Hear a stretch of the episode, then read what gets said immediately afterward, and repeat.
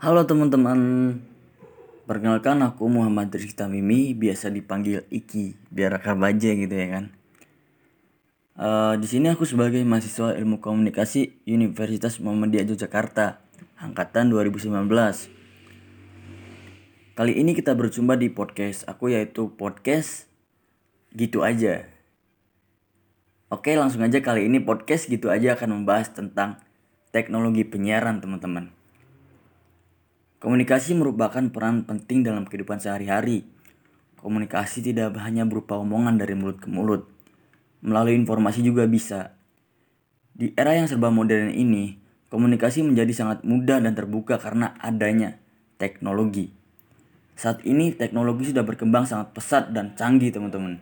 Seperti yang telah kita ketahui, perkembangan teknologi yang semakin canggih itulah yang membuat komunikasi menjadi mudah dalam artian penyebaran informasinya.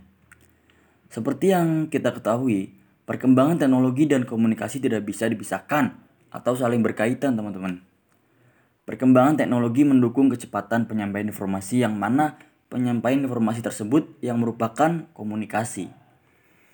Karena perkembangan teknologi itulah sehingga menjadikan penyebaran informasi semakin terbuka karena setiap orang bisa menyampaikan informasi dengan mudah Bukan hanya anak muda atau orang dewasa saja teman-teman. Bahkan anak kecil pun bisa menyebarkan informasi. Keterbukaan informasi seperti saat ini memang sangat membantu kita dalam memperoleh informasi teman-teman. Akan tetapi juga mempunyai dampak seperti penyebaran informasi palsu atau yang sering kita sebut itu namanya hoax teman-teman. Penyebaran informasi palsu atau hoax itu biasanya terjadi karena netizen gampang percaya dengan informasi yang beredar tanpa membacanya terlebih dahulu. Lah semoga teman-teman podcast gitu aja tuh bukan termasuk netizen yang gampang percaya sama hoax ya teman-teman. Selain keterbukaan informasi, perkembangan teknologi juga berdampak pada siaran televisi, khususnya di Indonesia. Bagaimana tidak, pemilik stasiun televisi bukan hanya pemerintah melainkan ada juga yang pihak swasta bahkan milik pribadi teman-teman.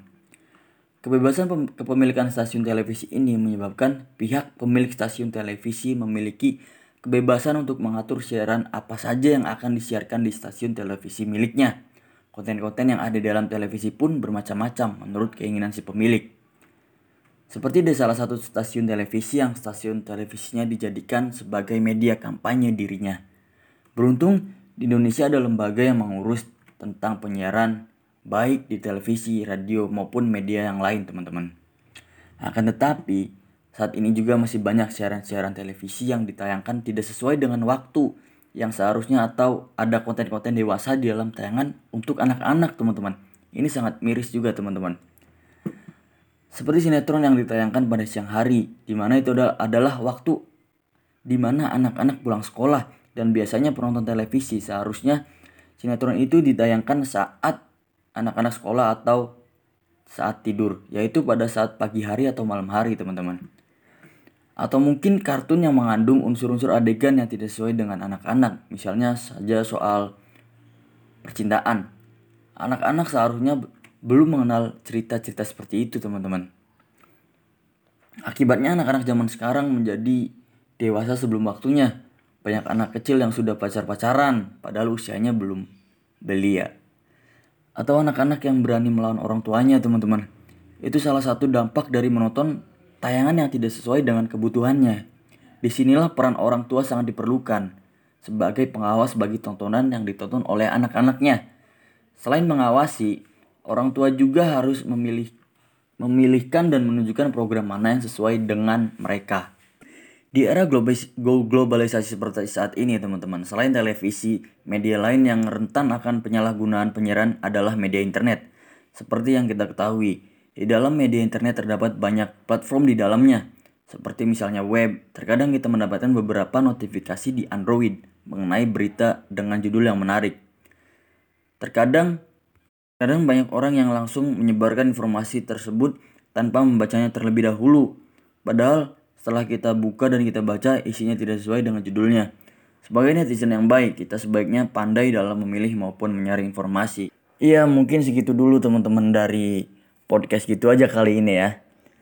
Jadi intinya ya gitu aja teman-teman kita tuh harus bisa membedakan mana berita yang hoax dan mana yang valid teman-teman. Dah intinya gitu aja teman-teman sesuai podcast gitu aja. Terima kasih teman-teman gitu aja yang sudah mendengarkan kali ini.